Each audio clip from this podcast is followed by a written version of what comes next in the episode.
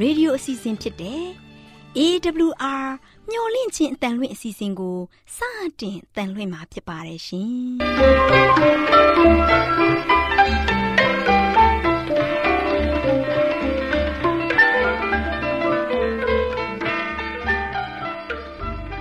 တော်တာရှင်များခင်ဗျာမျော်လင့်ခြင်းအတန်မြန်မာအစီအစဉ်ကိုနက်နက်6နိုင်မိနစ်30မှ9နာရီအထိ16မီတာ kHz 10653ညညပိုင်း9နာရီမှ9နာရီမိနစ်30အထိ16မီတာ kHz 19533ညမှ နေ့စဉ်အတန်လှွင့်ပေးနေပါတယ်ခင်ဗျာ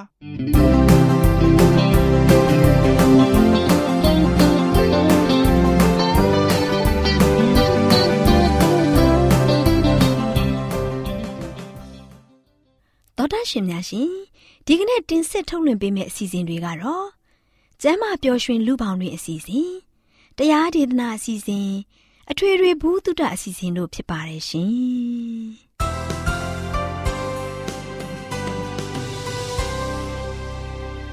တော်တာရှင်များရှင်အာရောချမ်ပရမန်လာဘန်ကျမ်းမာခြင်းသည်လူသားတိုင်းအတွက်အဓိကအရေးဖြစ်ပါသည်ဒါကြောင့်ကိုရောစိတ်ပါကျမ်းမာစေဖို့ယင်ကျမ်းမာခြင်းတရင်ကောင်းကို တင်ဆက်ပေးလိုက်ပါတယ်ရှင်။ မင်္ဂလာပါရှင်။ဒီကနေ့ကျမ်းမာရေးကဏ္ဍမှာကိုကျမကိုဖန်ကင်ဆာရန်ဆိုပြီးတော့ခေါင်းစဉ်ကလေးနဲ့တင်ဆက်ချင်ပါတယ်။အစာအာဟာရကြံပေးချက်စာမျက်နှာ403မှာဘလို့ဖော်ပြထားလဲဆိုတော့ဟင်းသီးဟင်းရွက်အစာအစာကိုရွေးချယ်စားတော့ရန်အဆင်ပြေသောအခြေအနေရှိပါလျက်မိမိတို့၏အကြိုက်ကိုသာလိုက်ကာ ရွေးချယ်စားတောက်နေကြသောသူတို့သည်ယနေ့အတွက်ကိုတော်ဖော်ပြသောအမှန်တရားတစ်ခုကိုဂရုမစိုက်ဘဲတစတစသွေဖယ်လာသည်နှင့်အမျှအဆုံး၌မိဒီကအမှန်တရားဖြစ်သည်ကိုအမှန်တကယ်မသိမမြင်စွမ်းသည့်တိုင်အောင်မိမိတို့၏ကြဲဖြန့်ခြင်းကိုအမှန်ပင်ရိတ်သိမ်းကြရလိမ့်မည်လို့ဖော်ပြထားပါတယ်။မှန်ပါတယ်။ကင်ဆာရောဂါအများစုဟာတကယ်တမ်းတော့ကိုယ့်ဘာကိုပြုတဲ့အမှုတွေရဲ့ရလဒ်ပဲဖြစ်နေပါတယ်။ကျမတို့ရဲ့အစားအသောက်ကျမတို့နေတဲ့နေရာ ကျမတို့လုပ်တဲ့အလုပ်အကိုင်နဲ့ကျမတို့ရှူရှိုက်နေရတဲ့လေစသည်တို့ကကျမတို့ကင်ဆာရောဂါဖြစ်စေနိုင်တဲ့အခြေအနေတစ်ခုဖြစ်မဖြစ်ဆိုတာကိုကောင်းကောင်းပိုင်းဖြတ်ပေးနိုင်ပါတယ်။ကင်ဆာရောဂါတော်တော်များများအတွက်ခက်စောစောပိုင်းကလေ့လာရှာဖွေတွေ့ရှိခဲ့တဲ့ကုထုံးတွေကိုရှေ့ရှုပြီးစစ်သိပ္ပံပညာရက်ကဆက်လက်လှုပ်ဆောင်နေပါတယ်။ဆေးလိပ်ဆေးရွက်ကြောင့်ဖြစ်ရတဲ့အဆုတ်ကင်ဆာနဲ့အစာလမ်းကြောင်းကင်ဆာတွေကလွဲလို့အခြားအကြောင်းကြောင့်ဖြစ်လာရတဲ့ကင်ဆာရောဂါအားလုံးဟာအခုချိန်မှာကျဆင်းလာပြီလို့ American Cancer အဖွဲ့အစည်းရဲ့မှတ်တမ်းတွေမှာတွေ့ရှိရတာတော့သတင်းကောင်းတစ်ရက်ပဲဖြစ်ပါတယ်။ကင်ဆာဖြစ်ရခြင်းအကြောင်းရင်းသစ်များနဲ့ကင်ဆာကြောင့်သေဆုံးရခြင်းများဟာ1990ခုနှစ်နဲ့1998ခုနှစ်အတွင်းသိသိသာသာကျဆင်းသွားတာကိုတွေ့ရပါတယ်။ဒါဘာကြောင့်လဲဆိုတော့ဆေးလိပ်တောက်နှုံလျှော့လာခြင်းကာကွယ်မှုတိုးတက်လာခြင်းစူးစမ်းတွေ့ရှိဖော်ထုတ်မှုနဲ့ကုသမှုများမှာတိုးတက်လာခြင်းတို့ကြောင့်ဖြစ်ပါတယ်လို့ဖော်ပြထားပါတယ်။ အလားအလာကတော့တကယ်ကောင်းနိုင်ပါတယ်တကယ်လို့ကျမတို့သိနှစ်ထားပြီးသားကြိုတင်သတိပေးချက်များဖြစ်တဲ့ကင်ဆာရောဂါများရဲ့80မှ80ရာခိုင်နှုန်းဟာကြိုတင်ကာကွယ်လို့ရတယ်ဆိုတာကိုဒီလက်ခံတာနဲ့များလိုက်လျှောက်မယ်ဆိုရင်ဒါဟာကျမတို့လူသားများအတွက်သတင်းကောင်းပဲဖြစ်ပါတယ်။ဒီလောက်ကြောက်စရာကောင်းတဲ့ယောဂါဆိုးကြီးကိုရှောင်ရှားဖို့လူတွေကဘာတစ်ခုမှမလုပ်ကြဘူးလားဆိုတဲ့မေးခွန်းမေးစရာအကြောင်းရှိပါတယ်။တခုမကြံဆိုတဲ့လောက်ကိုလုပ်ကြပါတယ်။ ချွင်းချက်တစ်ခုကတော့လူတိုင်းသူတို့ရဲ့နေထိုင်စားသောက်မှုကြင့်ကြံမှုစရိုက်ကို ပြောင်းလဲခြင်းဆိုတဲ့ပြောင်းလဲမှုတစ်ခုကလွဲလို့ကျန်တဲ့အရာအလုံးကိုလုပ်ကြပါတယ်1964ခုနှစ်မှတ်တမ်းအရအဆုတ်ကင်ဆာဟာ secret တောက်ခြင်းနဲ့ဓာတ်ရိုက်ပတ်သက်နေတယ်လို့သိရပါတယ်။ဒါကြောင့်တန်ပေါင်းများစွာသောသူတွေဟာဆေးလိပ်ဖြတ်ခဲ့ကြတယ်ဆိုတာမှန်ပေမဲ့မြောက်အမေရိကမှာရှိတဲ့အရွယ်ရောက်သူလေးပုံတစ်ပုံဟာဆေးလိပ်တောက်ဆဲဖြစ်နေပါတယ်။ တကယ်လို့လူတွေဟာဆေးလိပ်ဆေးရွက်သုံးဆွဲခြင်းမှရပ်ပစ်မယ်ဆိုရင်အဆုတ်ကင်ဆာနှာခမ်းကင်ဆာပါးစပ်ကင်ဆာရှာကင်ဆာလေကြောင်းကင်ဆာနဲ့အစာပြုံကင်ဆာတို့ရဲ့90ရာခိုင်နှုန်းလောက်ကိုကာကွယ်နိုင်ပါတယ်။ဒါ့အပြင်စီးအိမ်ကင်ဆာရဲ့90ရာခိုင်နှုန်းလောက်ကိုလည်းလျှော့ချနိုင်ပါတယ်။တချို့ကင်ဆာတွေကအစားအစာနဲ့ဆက်ဆက်ပါသလားဆိုတဲ့မေးခွန်းကိုဖြေရမယ်ဆိုရင်စီးကျိတ်ကင်ဆာ၊ဥမကြီးကင်ဆာ၊ရင်သားကင်ဆာ စားတဲ့ကင်ဆာတွေရဲ့90ရာခိုင်နှုန်းလောက်ဟာအာဟာရလွန်ကဲခြင်းအဆီများခြင်းကိုယ်အလေးချိန်လွန်ကဲခြင်းနဲ့ဆက်ဆက်နွယ်နေတာကိုတွေ့ရှိရပါတယ်ကျမတို့စားတဲ့အစားအစာထဲမှာပါဝင်တဲ့ဓာတုပစ္စည်းတွေကြောင့်ကိုကင်ဆာဖြစ်နိုင်ပါသလား ကာစီနိုဂျင်လို့ခေါ်တဲ့ကင်ဆာရောဂါကိုဖြစ်စေနိုင်တဲ့ဓာတုပစ္စည်းတွေဟာအထူးသဖြင့်ဈေးကွက်ကိုတင်တဲ့အစာတွေမှာပါဝင်တဲ့အပိုဖြစ်ဆွက်ခြင်းကြာရှည်ခံအောင်ထိန်းခြင်းအရသာကိုထူးကဲစေခြင်းနဲ့အရသာကိုပြောင်းစေခြင်းတို့အတွက်အသုံးပြုတဲ့ဓာတုပစ္စည်းတွေဖြစ်ပါတယ်။ဒါတောင်မှကင်ဆာအမျိုးအစားအားလုံးရဲ့2ရာခိုင်နှုန်းလောက်ပဲဒီအရာတွေနဲ့ဆက်ဆက်မှုရှိပါတယ်။တစ်ဖက်ကကြည့်မယ်ဆိုရင်ကင်ဆာရောဂါနဲ့အဆီတို့လိုအစားအစာကြားဆက်ဆက်မှုဟာတစ်နေ့ထက်တစ်နေ့ပိုပြီးခိုင်မာလာတာကိုတွေ့ရှိရပါတယ်။ 1900ခုနှစ်နောက်ပိုင်းရဲ့အစားအစာတွေနဲ့နှိုင်းရှာကြည့်မယ်ဆိုရင်အဆီဓာတ်နည်းနည်းနဲ့အမြင်တက်များများစားသုံးတဲ့နယ်တွေကမ္ဘာအစိတ်ပိုင်းတွေမှာဥမကြီးရင်သားနဲ့စီးကျိတ်ကင်ဆာတွေမဖြစ်တော့ပါပဲ။ American Canada နဲ့ New Zealand တို့လိုအမြင့်တက်နေပြီးအစီများတဲ့အစာကိုမှီဝဲတဲ့နေရာတွေမှာတော့အထက်ပေါ်ပြပါကင်ဆာတွေအဖြစ်များတာကိုတွေ့ရှိရပါတယ်။ဒါကြောင့်အစာအသောက်တာမကလူမျိုးကွဲပြားမှု လူမျိုးကွဲပြားမှုကများဒီလိုအခြေအနေတွေကိုခြားနားစေနိုင်သလားဆိုတဲ့မေးခွန်းမေးစရာအကြောင်းရှိပါတယ်။ဒီမေးခွန်းကိုလည်းသူတေသီတွေကမေးခဲ့ကြပါတယ်။တွေ့ရှိချက်ဥပမာတစ်ခုကတော့ဂျပန်ပြည်မှာနေကြတဲ့ဂျပန်လူမျိုးတွေမှာအခုလိုကင်ဆာရောဂါမျိုးတိတ်အဖြစ်နေတာပါနေတာကိုတွေ့ရပါတယ်။ဘာကြောင့်လဲဆိုတော့ဂျပန်ပြည်မှာအမြင့်တက်စားသုံးမှုမြင့်မာပြီးအစီဓာတ်ကတော့15ရာခိုင်နှုန်းအထိနှိမ့်ကျစွာစားသုံးတဲ့အတွက်ကြောင့်ဖြစ်ပါတယ်။ဒါပေမဲ့ ဂျပန်လူမျိုးတွေဟာ ဟာဝိုင်ယီကို ပြောင်းရွှေ့နေထိုင်ပြီး အနောက်တိုင်းရဲ့ အစားအသောက်နဲ့ နေထိုင်မှုပုံစံကို ကျင့်သုံးလာတဲ့အခါမှာ ကင်ဆာဖြစ်နှုန်းဟာ ပိုများလာတာကို တွေ့ရပါတယ်။မကြခင်မှာပဲ အခြားအမေရိကန်နိုင်ငံသားတွေနဲ့ တူညီတဲ့ ဖြစ်ပွားနှုန်းကို ထိတ်လန့်အံ့ဩဖွယ်ရာ တွေ့ရှိရပါတယ် အမြင့်တက်တဲ့အစီဟာ ကင်ဆာနဲ့ဘလို့ပတ်သက်မှုရှိပါသလဲ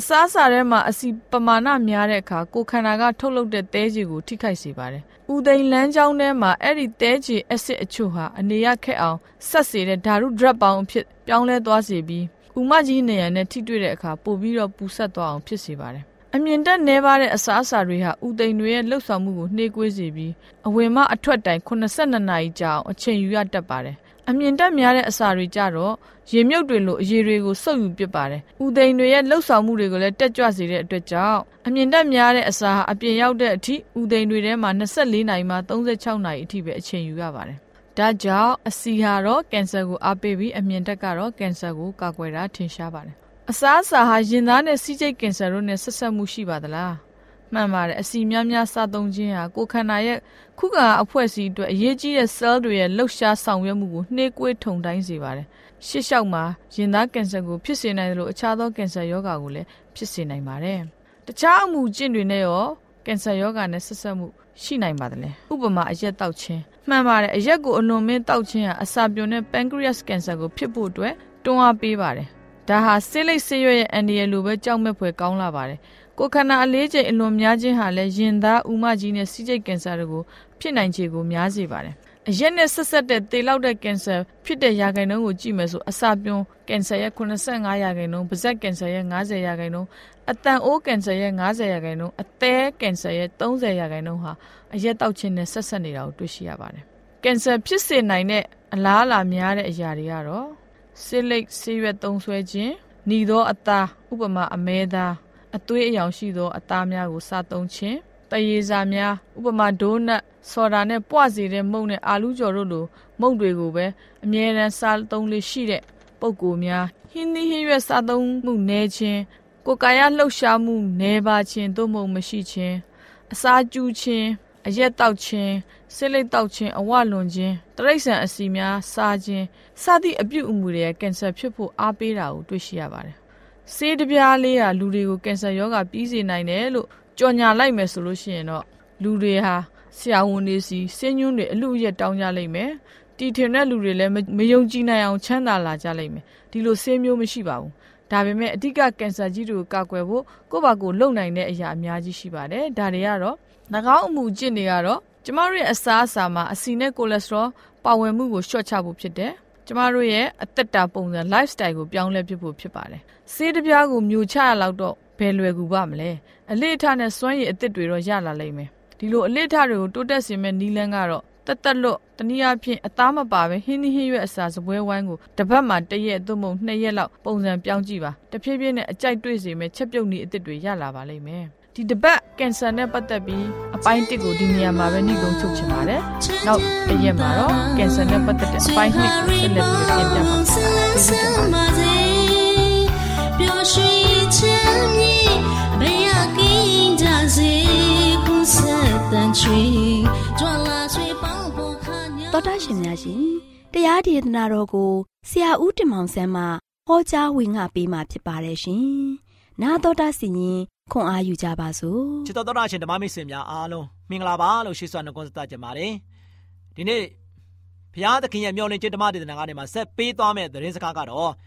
လူစားတိခံယူခြင်းအပြင်ခရစ်တော်ကဘယ်သူသားဖြစ်တယ်လဲ။လူစားတိခံယူခြင်းအပြင်ခရစ်တော်ကဘယ်သူသားဖြစ်တယ်လဲ။ကျွန်တော်တို့စဉ်းစားဖို့ရန်အတွက်ဖြစ်ပါတယ်။ကဲပြီဒီလောကကဘာကြီးပေါ်မှာခရစ်တော်ကလူစားတိခံယူခဲ့တယ်။ ပြီးခဲ့တဲ့အချိန်ကတော့ခရစ်တော်ကတော့ရှင်ကဘာမတင်ရှိမိကြတဲ့ကရှိခဲ့တဲ့ဖျားဖြစ်တယ်။ဒါကြောင့်ဖျားရဲ့သားတော်ဖြစ်တယ်ဆိုတာတွေကိုကျွန်တော်လေ့လာခဲ့ပြီးပါပြီ။ဒီနေ့လူစားတိခံယူတဲ့အခါမှာခရစ်တော်ကဘု து သားဆက်ပြီးတော့ဖြစ်နေတယ်လေဘု து ရဲ့သားလဲဆိုတာကိုကျွန်တော်တို့ဆက်လက်ပြီးတော့လေ့လာကြရအောင်။ဒါကြောင့်လူစားတိအပြင်ဒါဝိဒ်အမျိုးဖြစ်တော်မူထားတဲ့တေချင်းမှာထားမြောက်တော်မူ၍တန်ရှင်းသောဝိညာဉ်တော်အပြင်တကောတော်နဲ့တကွာဖျားသခင်သားတော်ထင်ရှားတော်မူသောငါတို့သခင်ယေရှုခရစ်တည်းဆိုပြီးတော့ ယောမခန်းကြီး1အငယ်1ကနေ4မှာဖော်ပြထားပါတယ်။ဒါလူသားတိအားဖြင့်ဒါဝိတ်အမျိုးကနေမှလာပြီးတော့မွေးဖွားခဲ့တယ်။ပေချင်းမှာထားမြောက်တော်မူပြီးတော့တန်ရှင်းသောဝိညာဉ်တော်အားဖြင့်တကိုးနဲ့တကွာဖျားရဲ့သားတော်ဖြစ်ထင်ရှားစေခဲ့တယ်။ထင်ရှားစေခဲ့တဲ့သူကတော့ရှင်ယေရှုခရစ်တော်ဖြစ်တယ်။ဒါကြောင့်ယေရှုခရစ်တော်ကတော့ရှင်ဖျားရဲ့သားဖြစ်တယ်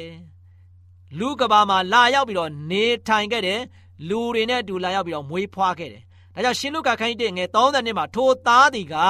ကြီးမြတ်သောသူဖြစ်လိမ့်မည်။အမြင့်ဆုံးသောဘုရားသခင်သားဟုခေါ်ဝေါ်သမုတ်ခြင်းကိုခံရလိမ့်မည်။သူအဘဒါဝိဒ်၏ယာသပလင်ကိုထာဝရဘုရားသခင်သည်သူ့အားပေးတော်မူလိမ့်မည်တဲ့။ဒီကျမ်းချက်တွေကိုကြည့်လိုက်တဲ့အခါမှာယနေ့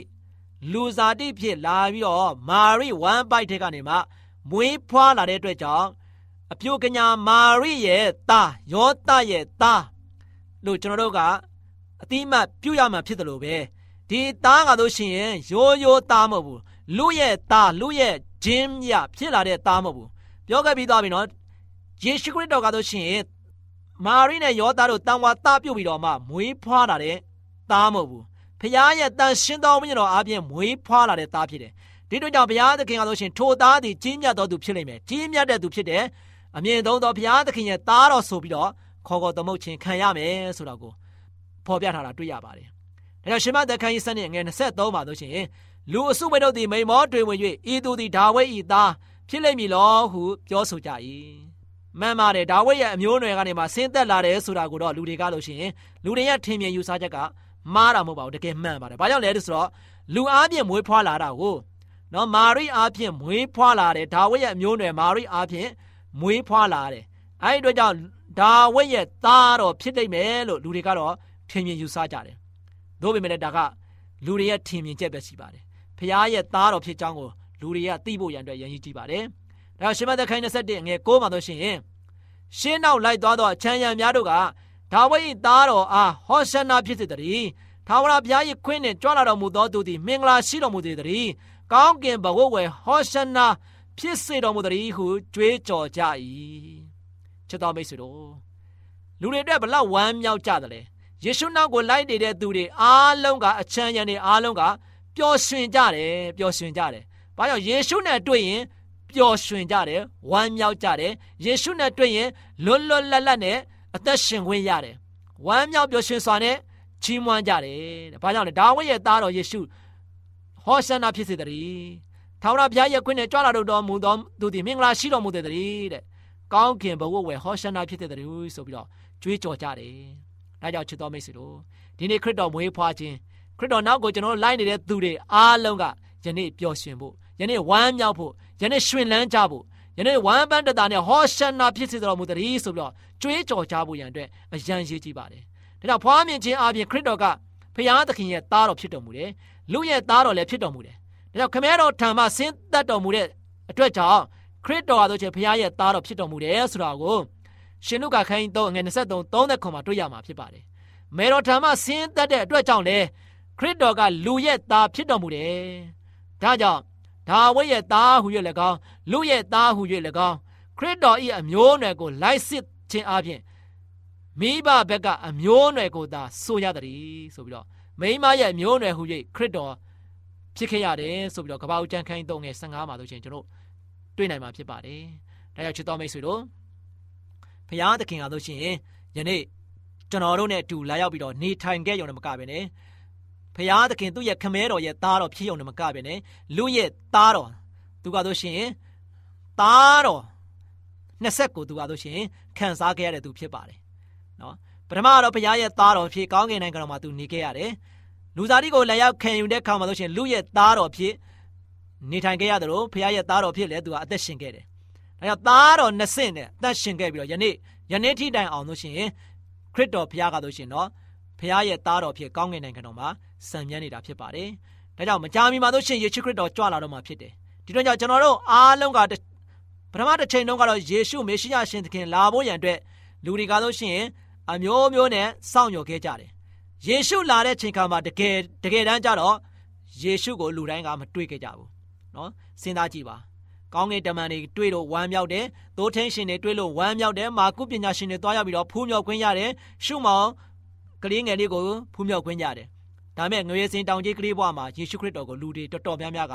မသိခဲ့ပါဘူး။မေရှိယရှင်သခင်ဆိုတာကိုလည်းလူတွေက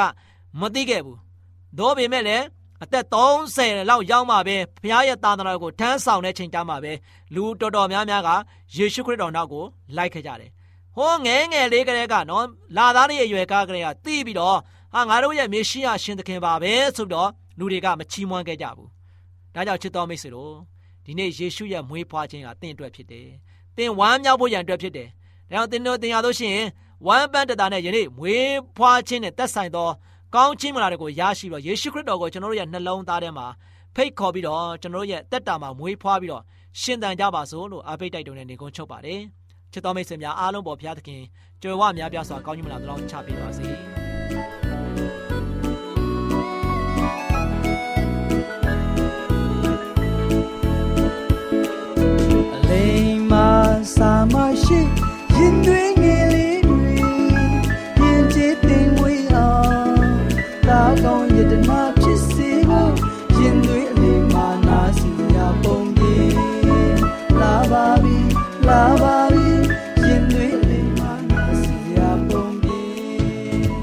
မျော်လင့်ခြင်းတန်တူတူမလေးတို့ရေ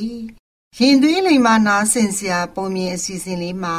ဒေါ်လီမမကကလေးတို့အတွက်မင်းလက်ကိုထောင်ထားဆိုတဲ့ဖြစ်ရမှန်အဖြစ်ပြက်လေးတစ်ခုကို ပြောပြပေးသွားမှာဖြစ်ပါတယ်ကွယ်ကလေးတို့အားလုံးနာတော်တာဆင်မှတ်သားရယူကြရအောင်နော်တူတူမလေးတို့ရေအမေရိကန်ပြည်ထောင်စုကိုလိုရာဒိုပြည်နယ်ရဲ့ ရာတော်လေးတစ်ခုမှာဖွားဖွားကြီးမေရီဟာမွေးမြူရေးလုပ်ငန်းတွေကိုလုပ်ကိုင်တယ်လို့လေယာမြေတွေကိုလည်းစိုက်ပျိုးတဲ့ကွယ်ဒီလိုနဲ့တနေ့တော့နွေရာသီကြောက်ပိတ်ချိန်မှာဖွားဖွားကြီးမေရီရဲ့မြေးလေးတွေဖြစ်ကြတဲ့လယ်ရီနဲ့ချက်တို့ကသူတို့ဖွားဖွားရဲ့ရာတော်နေအိမ်လေးကို လာရောက်လေပတ်ကြတဲ့ကွယ်တူတူမလေးတို့ရေကျေးလက်ဒေတာရာတော်လေးဆိုတော့စိမ့်သိမ်းဆူဆူနဲ့တာယာလပ ပျော်ရွှင်စရာကောင်းလာတာပေါ့ဖဖကြီးမေရီရဲ့နေအိမ်လေးကတောင်ကုန်းနေနေလေးမှာရှိပြီးအိမ်မင်းသားမှာလည်းတူးမြောင်ကြီးရှိတဲ့ကွယ်အဲ့ဒီတူးမြောင်ကြီးကစိုက်ပျိုးရေးမွေးမြူရေးလုပ်ငန်းတွေအတွက်ရေရရှိဖို့ဖောက်လုပ်ထားတဲ့တူးမြောင်ဖြစ်ပါတယ်ကွယ်တူတူမလေးတို့ရေဒယ်ရီနဲ့ချက်တူကလည်းရာရောမှလာပြီးတော့လက်ပတ်ရတာမို့အလုံးမပျော်ရွှင်နေကြတာပေါ့ကွယ် အထူးသဖြင့်တူးမြောင်ရဲ့ကန်းတစ်ဖူးမှာထိုင်ပြီးသူတို့ရဲ့ခြေထောက်လေးတွေကိုအေးမြတဲ့ရေထဲချကလှုပ်ရမ်းကစားရတာကိုပျော်ရွှင်နှစ်သက်နေတဲ့ကွယ်တူတူမလေးတို့ရေမြို့သားလေးတွေဖြစ်ကြတဲ့မြေးလေးနှစ်ယောက်ကိုဖွားဖွားမေရီကတူးမြောင်ကြီးထဲမှာရေစင်းမချို့ဖို့အမြဲတမ်းပေးပါတယ်ကွယ်ဒီလိုစီကံတမတာကိုလယ်ရီနဲ့ချက်တို့ကမကြည့်နဲ့ကြဘူးတဲ့ကွယ်တူတူမလေးတို့ရေ ဒယ်ရီဟာသူ့ရဲ့ဖဖွားမေရီကိုကန်းဆက်မှာခဏလေးရေချိုးဖို့ခွင့်တောင်းတာပေါ့ဒီတော့ဖဖွားမေရီကအားလေးတို့ရဲ့တူမြောင်ကတိတ်ပြီးတော့နေတာမတော်တဆချီချော်သွားရင်ရေနဲ့ရာကိုရောက်ပြီးရေစည်းတန်တဲ့အတွက်ကမ်းပေါ်ပြန်မတက်နိုင် ဖြစ်လိမ့်မယ်လို့ပြောတဲ့ဒီအခါလေရီလေးကကျွန်တော်ပြန်တက်လို့ရပါတယ်ဖွားဖွားရဲ့ဒီလောက်လေးတော့ရေကူးတက်ပါတယ်ဆိုပြီးတော့ စင်ကြေပေးတဲ့ကွယ်တူတူမလေးတို့ရေဖွားဖွားကြီးမေရီလဲမြေးလေးနှစ်ယောက်အတွေ့စိုးရင်ပြီးသားတို့ရေတူးမြောင်ကြီးတဲ့ကိုလုံးဝမစင်ရဘူးနော်ရေတကားကရေစုပ်ဆက်ကြီးတဲ့ရောက်သွားရင်အအသက်ဆုံးရှုံးလိမ့်မယ်ဆိုပြီးတော့ထမှန်တတိပြီးပြောပြတာပေါ့ကွယ်တူတူမလေးတို့ရေလေရီဟာအဖွားရဲ့စကားကြောင့်ကြောက်ရွံ့သွားပြီမဲ့အဲ့ဒီကြောက်စိတ်ကကြာကြာမတည်မြဲပါဘူး တဏီမှာတော့လေရီနဲ့ချက်တူနှစ်ယောက်တူမြောင်ကြီးနားမှာဆော့ကစားနေကြရင်လယ်ရီကချစ်ရီငါတော့ဖဖပြောတာကိုဂယူးမဆိုင်ဘူးကွာရေထဲဆင်းမယ်ဆိုပြီးတော့ပြောပြောဆိုဆိုနဲ့အင်ဂျီအဝတ်အစားတွေကိုချွတ်နေတော့တယ်ဒီတော့ချက်ကဟုံးမလဲလုပ်ပါကွာရေထဲမျောပါသွားလို့ဒုက္ခရောက်နေအောင်မယ်တတိတော်ထားပါဆိုကတတိပေးလိုက်တဲ့ကွယ်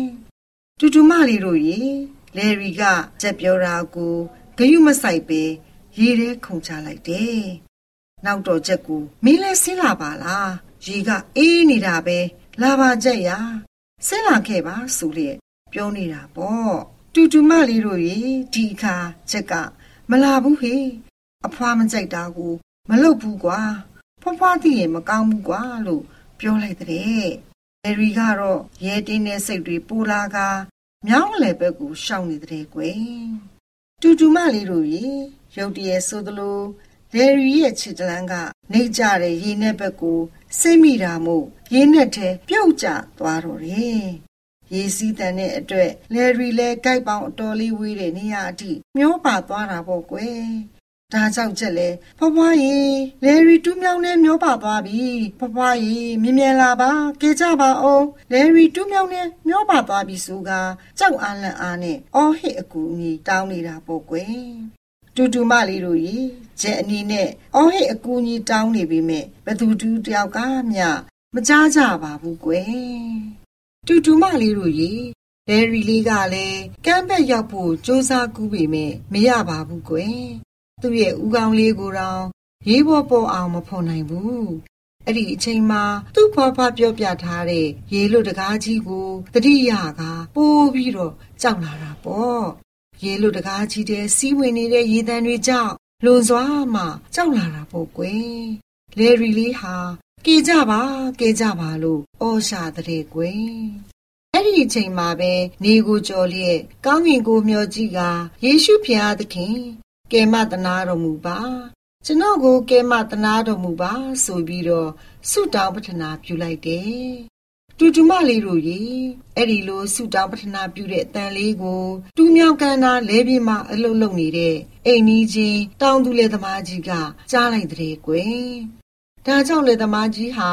အချိန်လေးကိုသိနာလေပြီးကမ်းမစီအလင်းအမြန်ပြေးပါတော့တယ်ကွယ်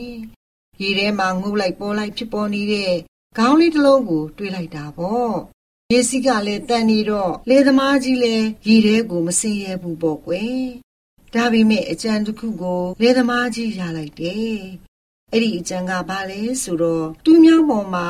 တရားတစ်ခုရှိနေတာကိုသတိရလိုက်တဲ့အတွက်ကြောင့်ပဲဖြစ်ပါတယ်ကွယ်တူတူမလေးတို့ရေဒါနဲ့တရားရှိရာကိုလေသမားကြီးကအလင်းမြန်ပြေးပြီးမင်းလက်ကိုထောင်တာမင်းလက်ကိုထောင်တာ တရားအောက်ကိုရောက်ရင်မင်းလက်ကိုထောင်ထားဆိုကအော်ပြောလိုက်ပါတယ်ကွယ်တူတူမလေးတို့ရေလေသမားကြီးဟာတရားပေါ်ရောက်တဲ့အခါမှာတော့လေရီမျောပါလာတဲ့နေရာကိုမှန်းစားလျက်သူ့ရဲ့လက်ကိုဆန်ပြီးတော့စောင့်နေတာပေါ့ငုတ်ချီပေါ်ကြီးဖြစ်နေတဲ့လေရီရဲ့ဦးခေါင်းကိုမမိနိုင်တာမို့မင်းလက်ကိုထောင်ထားဆိုကထပ်ပြီးတော့အော်ပြန်တဲ့တူတူမလေးတို့ရေ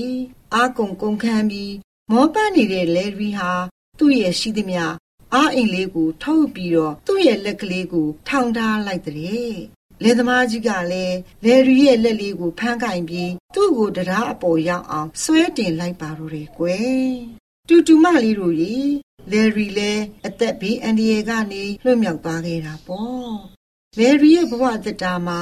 ဘယ်တော့မှမမေ့နိုင်တဲ့ နားထောင်မှုရဲ့အကျိုးကျေးဇူးသင်ခန်းစာကိုလက်တွေ့သင်ယူရရှိခဲ့ပါတယ်ကွယ်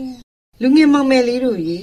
တက်ကြီးရွယ်အိုမိဘဆရာသမားတွေရဲ့ပြောဆိုသွန်သင်မှုတွေကို နာခံဖို့နဲ့ဆင်းရဲဒုက္ခအခက်အခဲဘေးအန္တရာယ်တွေတွေ့ကြုံတဲ့အခါမိမိရဲ့လက်ကိုအပေါ်မြောက်ပြီးယေရှုဘုရားသခင်ထံအကူအညီတောင်းရမယ်။ဘုရားသခင်ကကယ်တင်မဆတော်မူမှာဖြစ်ကြောင်း သင်ယူလိုက်မိပါတယ်ကွယ်တူတူမလေးတို့ရေကလေးတို့အနေနဲ့လဲဘေးအန္တရာယ်အခက်အခဲစုံစမ်းခြင်းတွေကိုတွေ့ကြုံရတဲ့အခါစိတ်ပြအားလျော်ခြင်းမရှိဘဲကောင်းကင်ကိုမျှော်ကြည့်ကာမိမိတို့ရဲ့လက်လေးတွေကိုမြှောက်ပြီးတော့ယေရှုသခင်ထံတော်မှာအကူအညီတောင်းလျှောက်ကြစို့နော်ဒီအခါကိုရောရှင်ကလက်တော်ကိုဆက်လျက်တူတူမလေးတို့ရဲ့လက်ကိုဆွဲယူပြီးတော့ကဲတင်တော်မူပါလိမ့်မယ်ကွယ် တူတူမလေးတို့တယောက်စီတိုင်းအပေါ်ဖျားရှင်ထံတော်မြတ်မှညီသက်ချင်းကောင်းကြီးမင်္ဂလာများသုံးလုံးချပေးပါစေလို့ဆုတောင်းပေးလိုက်ရပါတယ်ကွယ်